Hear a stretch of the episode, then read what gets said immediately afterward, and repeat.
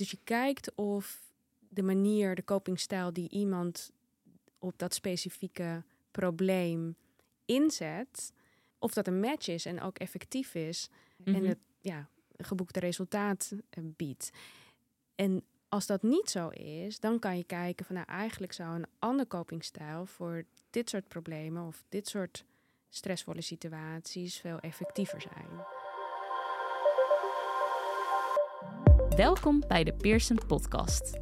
In deze podcast nemen we je mee in de wereld van diagnostiek en behandeling binnen de geestelijke gezondheidszorg. Ik ben Meerte Wildenbeest, psycholoog en productadviseur bij Pearson en ik interview professionals uit het werkveld om antwoord te geven op vele brandende vragen.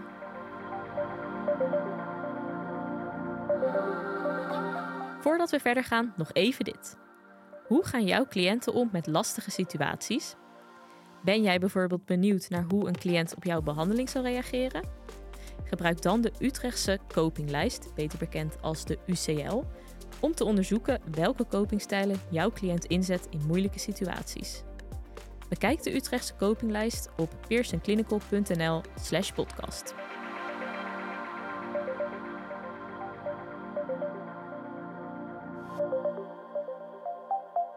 Welkom bij deze nieuwe aflevering van de Pearson Podcast. Ehm, vandaag gaan we de volgende vraag beantwoorden, namelijk kan je iemands copingstijl veranderen of verbeteren? Nou ga ik zelf deze vraag niet eh, beantwoorden. Daarvoor hebben wij een eh, expert in de studio tegenover mij. Dat is Mariana Potsch. En ja, Mariana, misschien kun je jezelf even kort voorstellen. Ja, dank je. Ik ben Mariana Potsch, GZ-psychologe en werkzaam sinds vijf jaar nu bij eh, ARC eh, in de kliniek Centrum 45 in Oesgeest. eh, wat gericht is voor mensen met posttraumatische stressstoornis. In de hoogintensieve traumatherapieën geef ik. Dankjewel uh, voor deze voorstelling. Um, nou, we gaan het dus hebben over iemands copingstijlen veranderen of verbeteren. En een eerste vraag die ik daarbij heb is, ja, wanneer besluit je überhaupt dat iemand een minder effectieve copingstijl heeft? Ja, eigenlijk kijk je naar de klachten van iemand en hè, waar iemand last van heeft. En je kijkt dan naar hoe iemand daarmee omgaat. En, en je probeert natuurlijk een soort hypothese van nou, waar komen de klachten vandaan. Um, en dan kijk je naar hoe iemand daarmee omgaat. Is dat een helpende manier of niet? En een copingstijl zelf zou je niet zeggen die is goed of slecht. Eh, alle copingstijlen kunnen effectief zijn, afhankelijk van het soort uh, probleem of stressvolle situatie. Uh, dus je kijkt of de manier, de copingstijl die iemand op dat specifieke probleem inzet, uh, of dat een match is en ook effectief is. Mm -hmm. En het ja, geboekte resultaat biedt. En als dat niet zo is, dan kan je kijken van nou eigenlijk zou een ander copingstijl voor dit soort problemen of dit soort stressvolle situaties veel effectiever zijn. Ja, ja dus op die manier kan je dat dan inderdaad uh, bepalen. En eigenlijk wat je zegt, je kan niet echt zeggen van de ene copingstijl is beter dan de andere. Dat... Nee, dus um, hè, bijvoorbeeld als je kijkt naar een acute situatie. Um, ik moest dan een keer, uh, moet ik denken aan een, een eigen situatie, ja.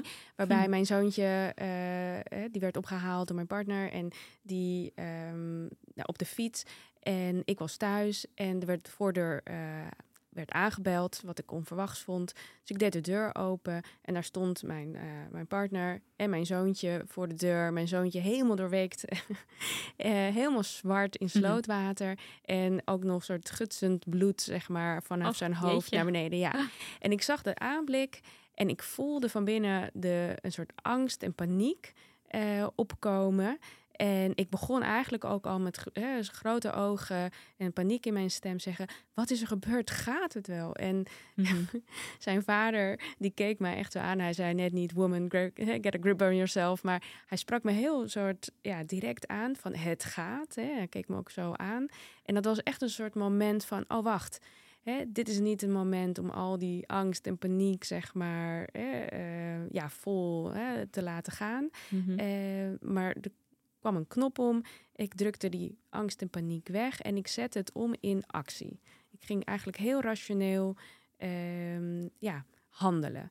Eh, van oké, jij gaat hier je kleding uitzetten, eh, jij belt eh, de huisarts en ehm, we gaan je nou, eigenlijk meteen doen.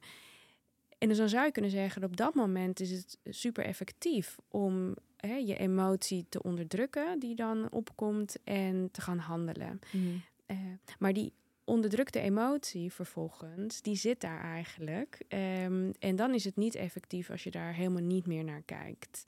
Eh, en elke keer als dan toch even die angst opkomt die hè, op dat moment getriggerd werd, je die elke keer weer de kop indrukt.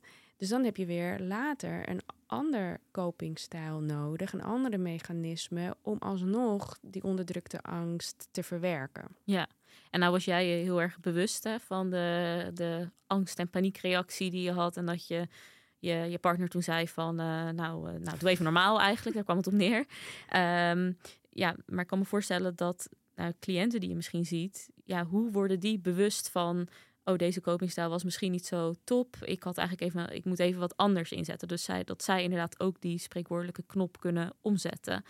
Ja, hoe, hoe maak je iemand bewust daarvan? Ja, nou, kijk, in, in die situatie gebeurde dat automatisch. Hè? Dus het was niet dat ik heel bewust. ehm, hè, dus ik denk dat heel veel mensen in een acute situatie. Ja, hè, je reageert zoals je reageert. En ehm, eh, de bewustwording zit hem altijd achteraf. Hè? Dus dat je dan hè, gaat kijken van... hé, hey, wat gebeurde er en wat deed ik en wat voel ik daar nu nog over? Ehm, dat is weer meer bij die hele acute situaties. Dan kan je patronen gaan zien. Hè? Ehm, ik werk heel veel met eh, beroepsgerelateerde trauma. Mensen die in, hun beroep eh, trauma's oplopen.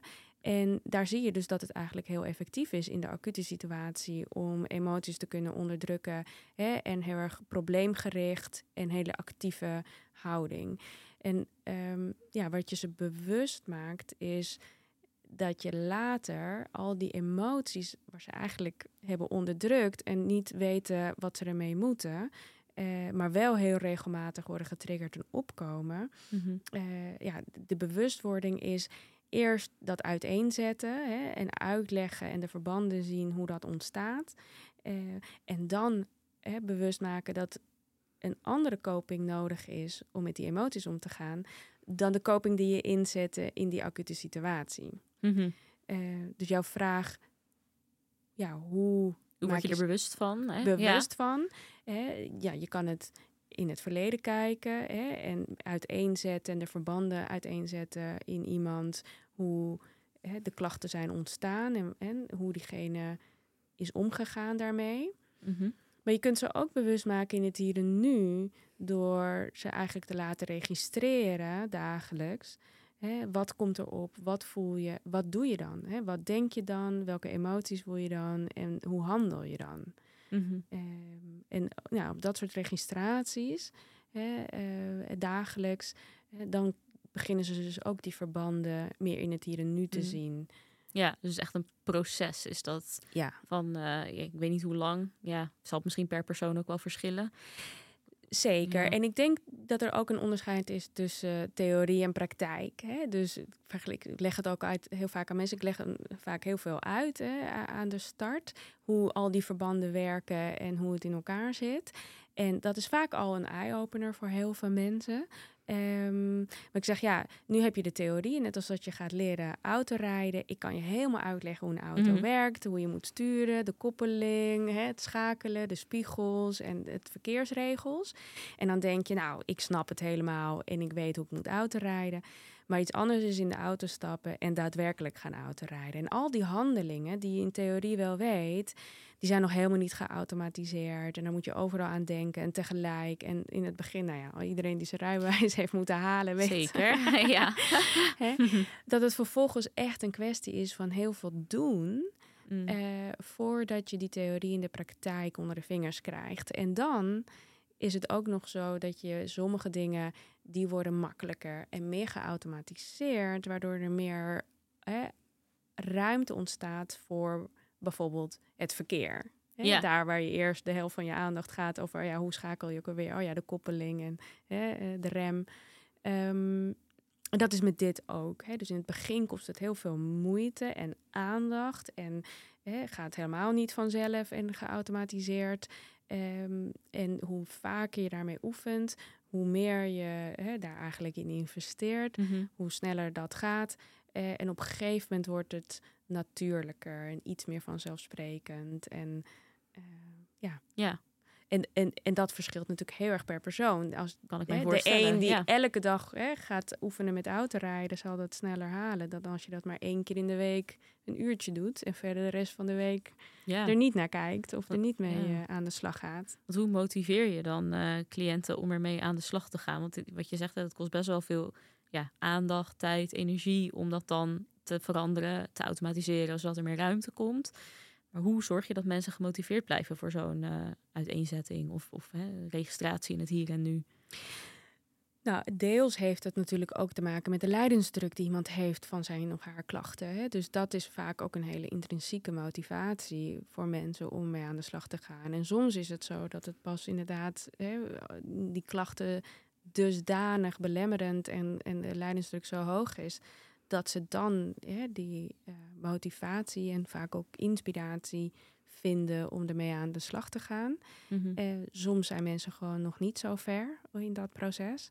Ehm, en ik denk dat eh, hoop geven een hele belangrijke is. Hè? Dus ergens, en het is altijd natuurlijk relatief, want ja, hè, we weten natuurlijk niet bij iedereen of alles beter kan, maar de mogelijkheid dat die er, er wel is, dat het in ieder geval iets beter kan. Hè? Iemand kan zich beter gaan voelen en die hoop die het geeft, dat is vaak een grote drive voor mensen om ermee aan de slag te gaan. Ja, dat het beter wordt. Dat het beter ermee kan worden. beter kan worden. Ja, die ja. hoop, vaak als Ja. mensen al zo lang met klachten en van alles zelf hebben geprobeerd en Mhm. er weinig verbetering zit, kan die hoop inderdaad echt heel klein zijn geworden. En als je ze dan toch hè, dus uitleg en hè, eh, eigenlijk heel empowerment zegt, dit zijn de dingen die jij kunt gaan doen en oefenen en trainen. Mhm. en, hè, eh, en dat kan echt wel verbetering geven in Mhm. hoe je je voelt en klachtenvermindering. Ja, dat is vaak een grote motivatie voor mensen om aan de slag te gaan. Ja, ik kan me voorstellen ehm, ja, dat het de doelgroep waar jij mee werkte, ehm, toen je hier even binnenkwam, hadden we een praatje natuurlijk over de patiëntengroep. En dat ja, toch vaak mensen bij jou komen die, of patiënten van 45 komen, die al een heel traject bij andere instellingen hebben gehad. Dat dit een soort van de last resort is voordat je inderdaad chronisch eh, als chronische patiënt wordt eh, behandeld.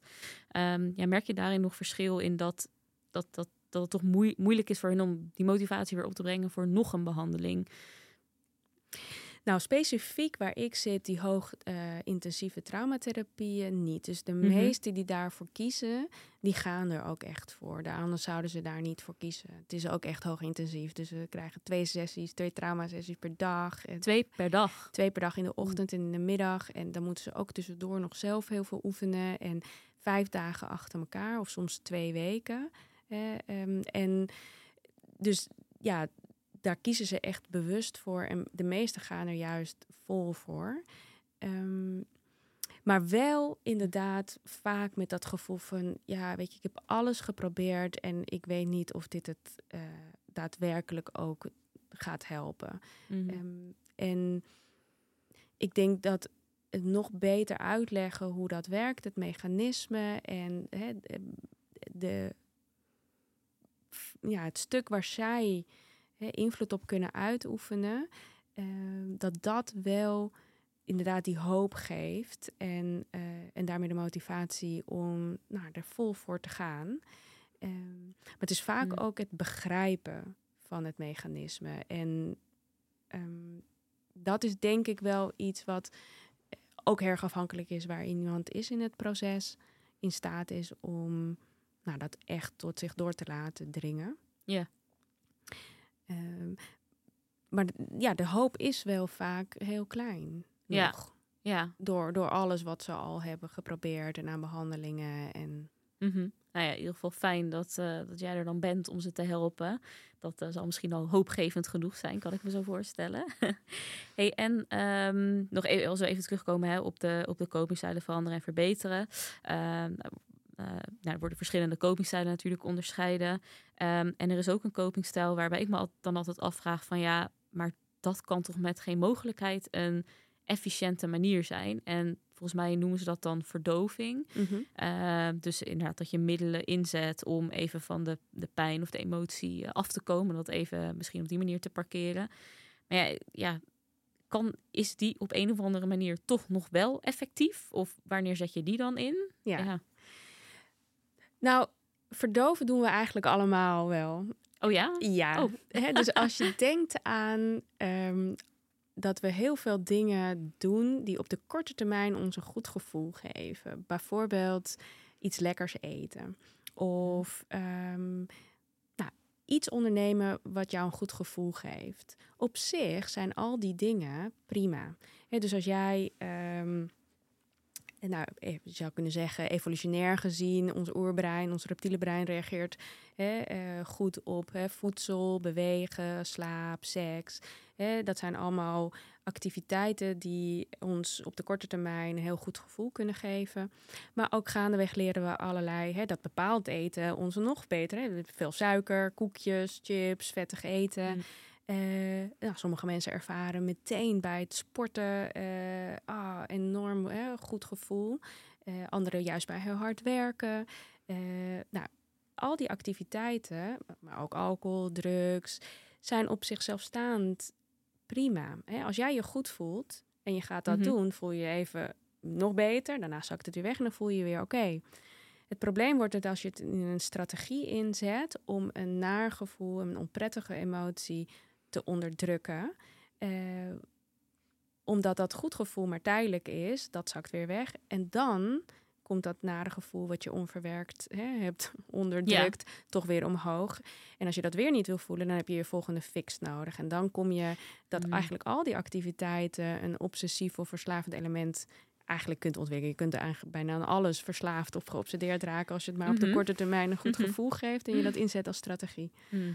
Dus in principe doen we dat eigenlijk allemaal wel in meer of mindere mate. En op zich is dat ook helemaal niet erg. En wanneer is het wel echt heel functioneel? Nou, denk aan als wij ehm, geopereerd moeten worden. Dan verdoven we ons bewust, plaatselijk of algehele narcose, om die pijn niet te voelen. Wetende dat dan er iets wordt gedaan om het probleem op te lossen. En wat gaat helpen om het probleem op te lossen. Is- en wij hebben ook een natuurlijke manier om te verdoven. Dus eh, zeker bij hele heftige emotionele en of fysieke pijn kunnen wij ons reptiele brein overgaan in de modus van dissociatie. En Mhm. eh, dat is eigenlijk een manier om de emotionele of fysieke pijn te blokken.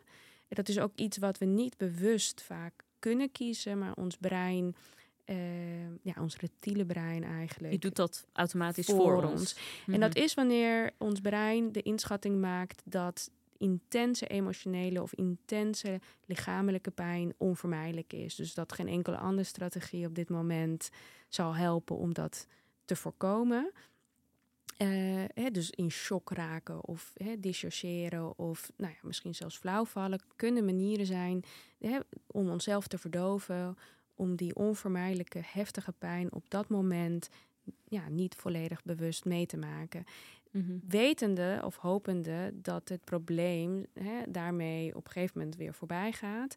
En je, je weer het ergste eh, nou, niet bewust hebt hoeven te ervaren. Eh, en dat kan heel effectief zijn in dat soort hele extreme situaties. Dus het is niet per definitie eh, wat mijn vooroordeel dan was van de verdoving. Ja, dan grijp je dus altijd naar eh, drugs of alcohol. Eh, dat kan toch niet goed zijn? Eigenlijk zeg je, ja, dat, dat doen we eigenlijk allemaal wel meer of mindere mate. Maar het wordt pas inefficiënt als je het dus... Ja, je gebruikt het om even tijdelijk iets te parkeren waarschijnlijk. Mhm. En als het dan naar boven komt, als je het dan weer de hele tijd blijft inzetten, ja, dan blijft het onverwerkt. Dus dan is het eigenlijk misschien niet zo heel erg efficiënt. Ja, dus dan weer gaat het over welke copingstijl voor welk probleem. Dus Ja. als het gaat om iets wat maar tijdelijk is, hè, ehm, en door dat te verdoven dat tijdelijke probleem voorbij zal gaan, dan is dat misschien op dat moment het, het meest efficiënte om dat niet zo bewust volledig hè, ja, te voelen en te verdoven. Maar als dat probleem aanhoudt, ja, blijven verdoven, ja, dan hè, en dat probleem blijft zich aandienen, dan heb je dat, je dat het helemaal geen efficiënte coping is. Mhm. Eh, maar ook als jij iets heel heftigs meemaakt en je verdooft jezelf en hè, het, het eh, stressvolle situatie is voorbij, dan heb je daarna misschien nog wel allerlei onverwerkte emoties. En als je daar dan weer dezelfde coping en dat weer gaat verdoven, Mhm. ja, dan heb je dat dat niet zo'n efficiënte copingstijl is daar weer op. En dan kan je beter een copingstijl gericht op het verwerken van emoties. Ja, ja, precies. Ja. Dus het gaat heel erg over, en dat is wijsheid, en wijsheid doen we door ervaring, is verschillende copingstijlen ontwikkelen en in staat zijn om zo flexibel mogelijk hè, te kunnen onderscheiden Mhm. welk copingstijl het meest effectief is per situatie, per soort probleem en per moment waarin jij bent. Hè? Ja. Als jij heel moe bent en, hè, of ziek, ja, dan is het soms beter om misschien een wat meer passieve copingstijl op dat moment in te zetten dan een hele actieve waarin je jezelf hè, overvraagt. Ja, en dan is de vraag inderdaad van, hè, als we kijken naar, eh, kan je iemands copingstijl veranderen of verbeteren? Ja, eh, is het überhaupt mogelijk om een hele efficiënte copingstijl aan te leren? Eh, en misschien eentje die je altijd inzette die niet zo heel erg efficiënt was. Hè? Want je zegt eigenlijk, ja, het kan allemaal wel effectief zijn, afhankelijk van de situatie. Maar stel nou, je hebt een cliënt die iets, iets doet en dat, dat doet hij automatisch en altijd. En dat is eigenlijk helemaal niet zo eh, helpend. Ja, kan je dat dan afleren? Kan je iets nieuws aanleren? Ja, ik geloof wel dat je nieuwe dingen kunt aanleren. Mhm. Dus als ik kijk naar de mensen met wie ik werk, zeker die beroepsgerelateerde ehm, mensen die in hun beroep trauma's hebben opgelopen, vaak zie je dat ze de neiging hebben als copingstijl echt van die aanpakkers. Eh, dus ze gaan actief problemen oplossen. Daarbij hebben ze heel vaak een eh copingstijl waarbij ze hun eigen emoties onderdrukken of parkeren. En, ehm, en vervolgens gaan ze dat ook toepassen, onbewust, op als die emoties alsnog later opkomen. Dan gaan ze dat weer onderdrukken en gaan ze proberen heel actief Mhm. hè, het op te lossen. Maar er valt niets op te lossen. En nou ja, daar komen ze in vast te zitten. Op zich die copingstijl van op acute situaties je emoties even onderdrukken en hè, eh, actie ondernemen is een hele mooie copingstijl en eentje die heel effectief is in heel veel situaties. Maar het ontwikkelen van een copingstijl op emotiegerichte verwerking. Hè, ga maar voelen, ga maar uiten, ga maar ontladen. En ga maar daar de lessen uithalen van die emoties. Eh, dat is vaak iets wat ze onderontwikkeld hebben. En ja, daar, daar kan je echt wel iemand in trainen, zou je kunnen zeggen. Hè, en, en helpen in dat Ja. proces van die copingstijl eh, aanleren. En dan heb je dus twee copingstijlen naast elkaar en heb je keus. En dat maakt je flexibeler. Ja, en dan het trainen van zo'n nieuwe copingstijl. Hoe doe je dat? ja, dat zullen veel mensen willen weten. Ja, hoe, hoe, hoe leer je dat dan? Of hè, hoe doe je dat dan? Ja, Ja, nou volgens mij een beetje net de, de andere metafoor die ik dan aan zei. hè, Autorijden of hè, piano eh, leren spelen. Of eigenlijk welke vaardigheid je ook hè, jezelf wil aanleren. Het, het vraagt in het begin gewoon heel veel oefenen. En met heel veel bewuste aandacht en energie en moeite, helaas.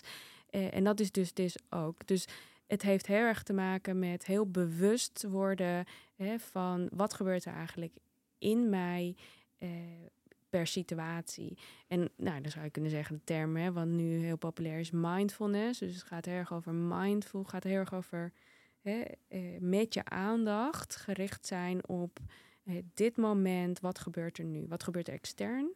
En wat gebeurt er intern in mij? En dat kunnen onderscheiden van, hey, mijn perceptie hierover, hoe denk ik hierover? Wat voel ik emotioneel daarbij? En welke neiging heb ik nu om te doen. Mhm. Als je daar eerst steeds bewuster van doet, dan kan je vervolgens bewust kijken of je in zo'n situatie iets anders uitprobeert. Ja, En dat oefenen, oefenen, oefenen, oefenen. Ja. ja. veel oefenen, dus daar komt het, eh, komt het op neer. Ja, Ja, ik denk dat met elke vaardigheid Ja. eh, gaat het toch in een bepaalde vorm van, van training. Ja, en dan wordt het, wat je al eerder zei, automatisme. En dan kan je dat toepassen. Ja, gaat het steeds minder moeite kosten? Gaat het steeds ietsje meer vanzelf? Hè? Dus in het begin is het zo vaak dat je pas achteraf denkt: oh, wacht, ja. wat is er nou net gebeurd en wat hè? En, en dan, maar dan achteraf alsnog de tijd voor nemen om het hè, te bekijken. Wat was de situatie? Mm. Wat dacht je? Wat voelde je? Wat deed je?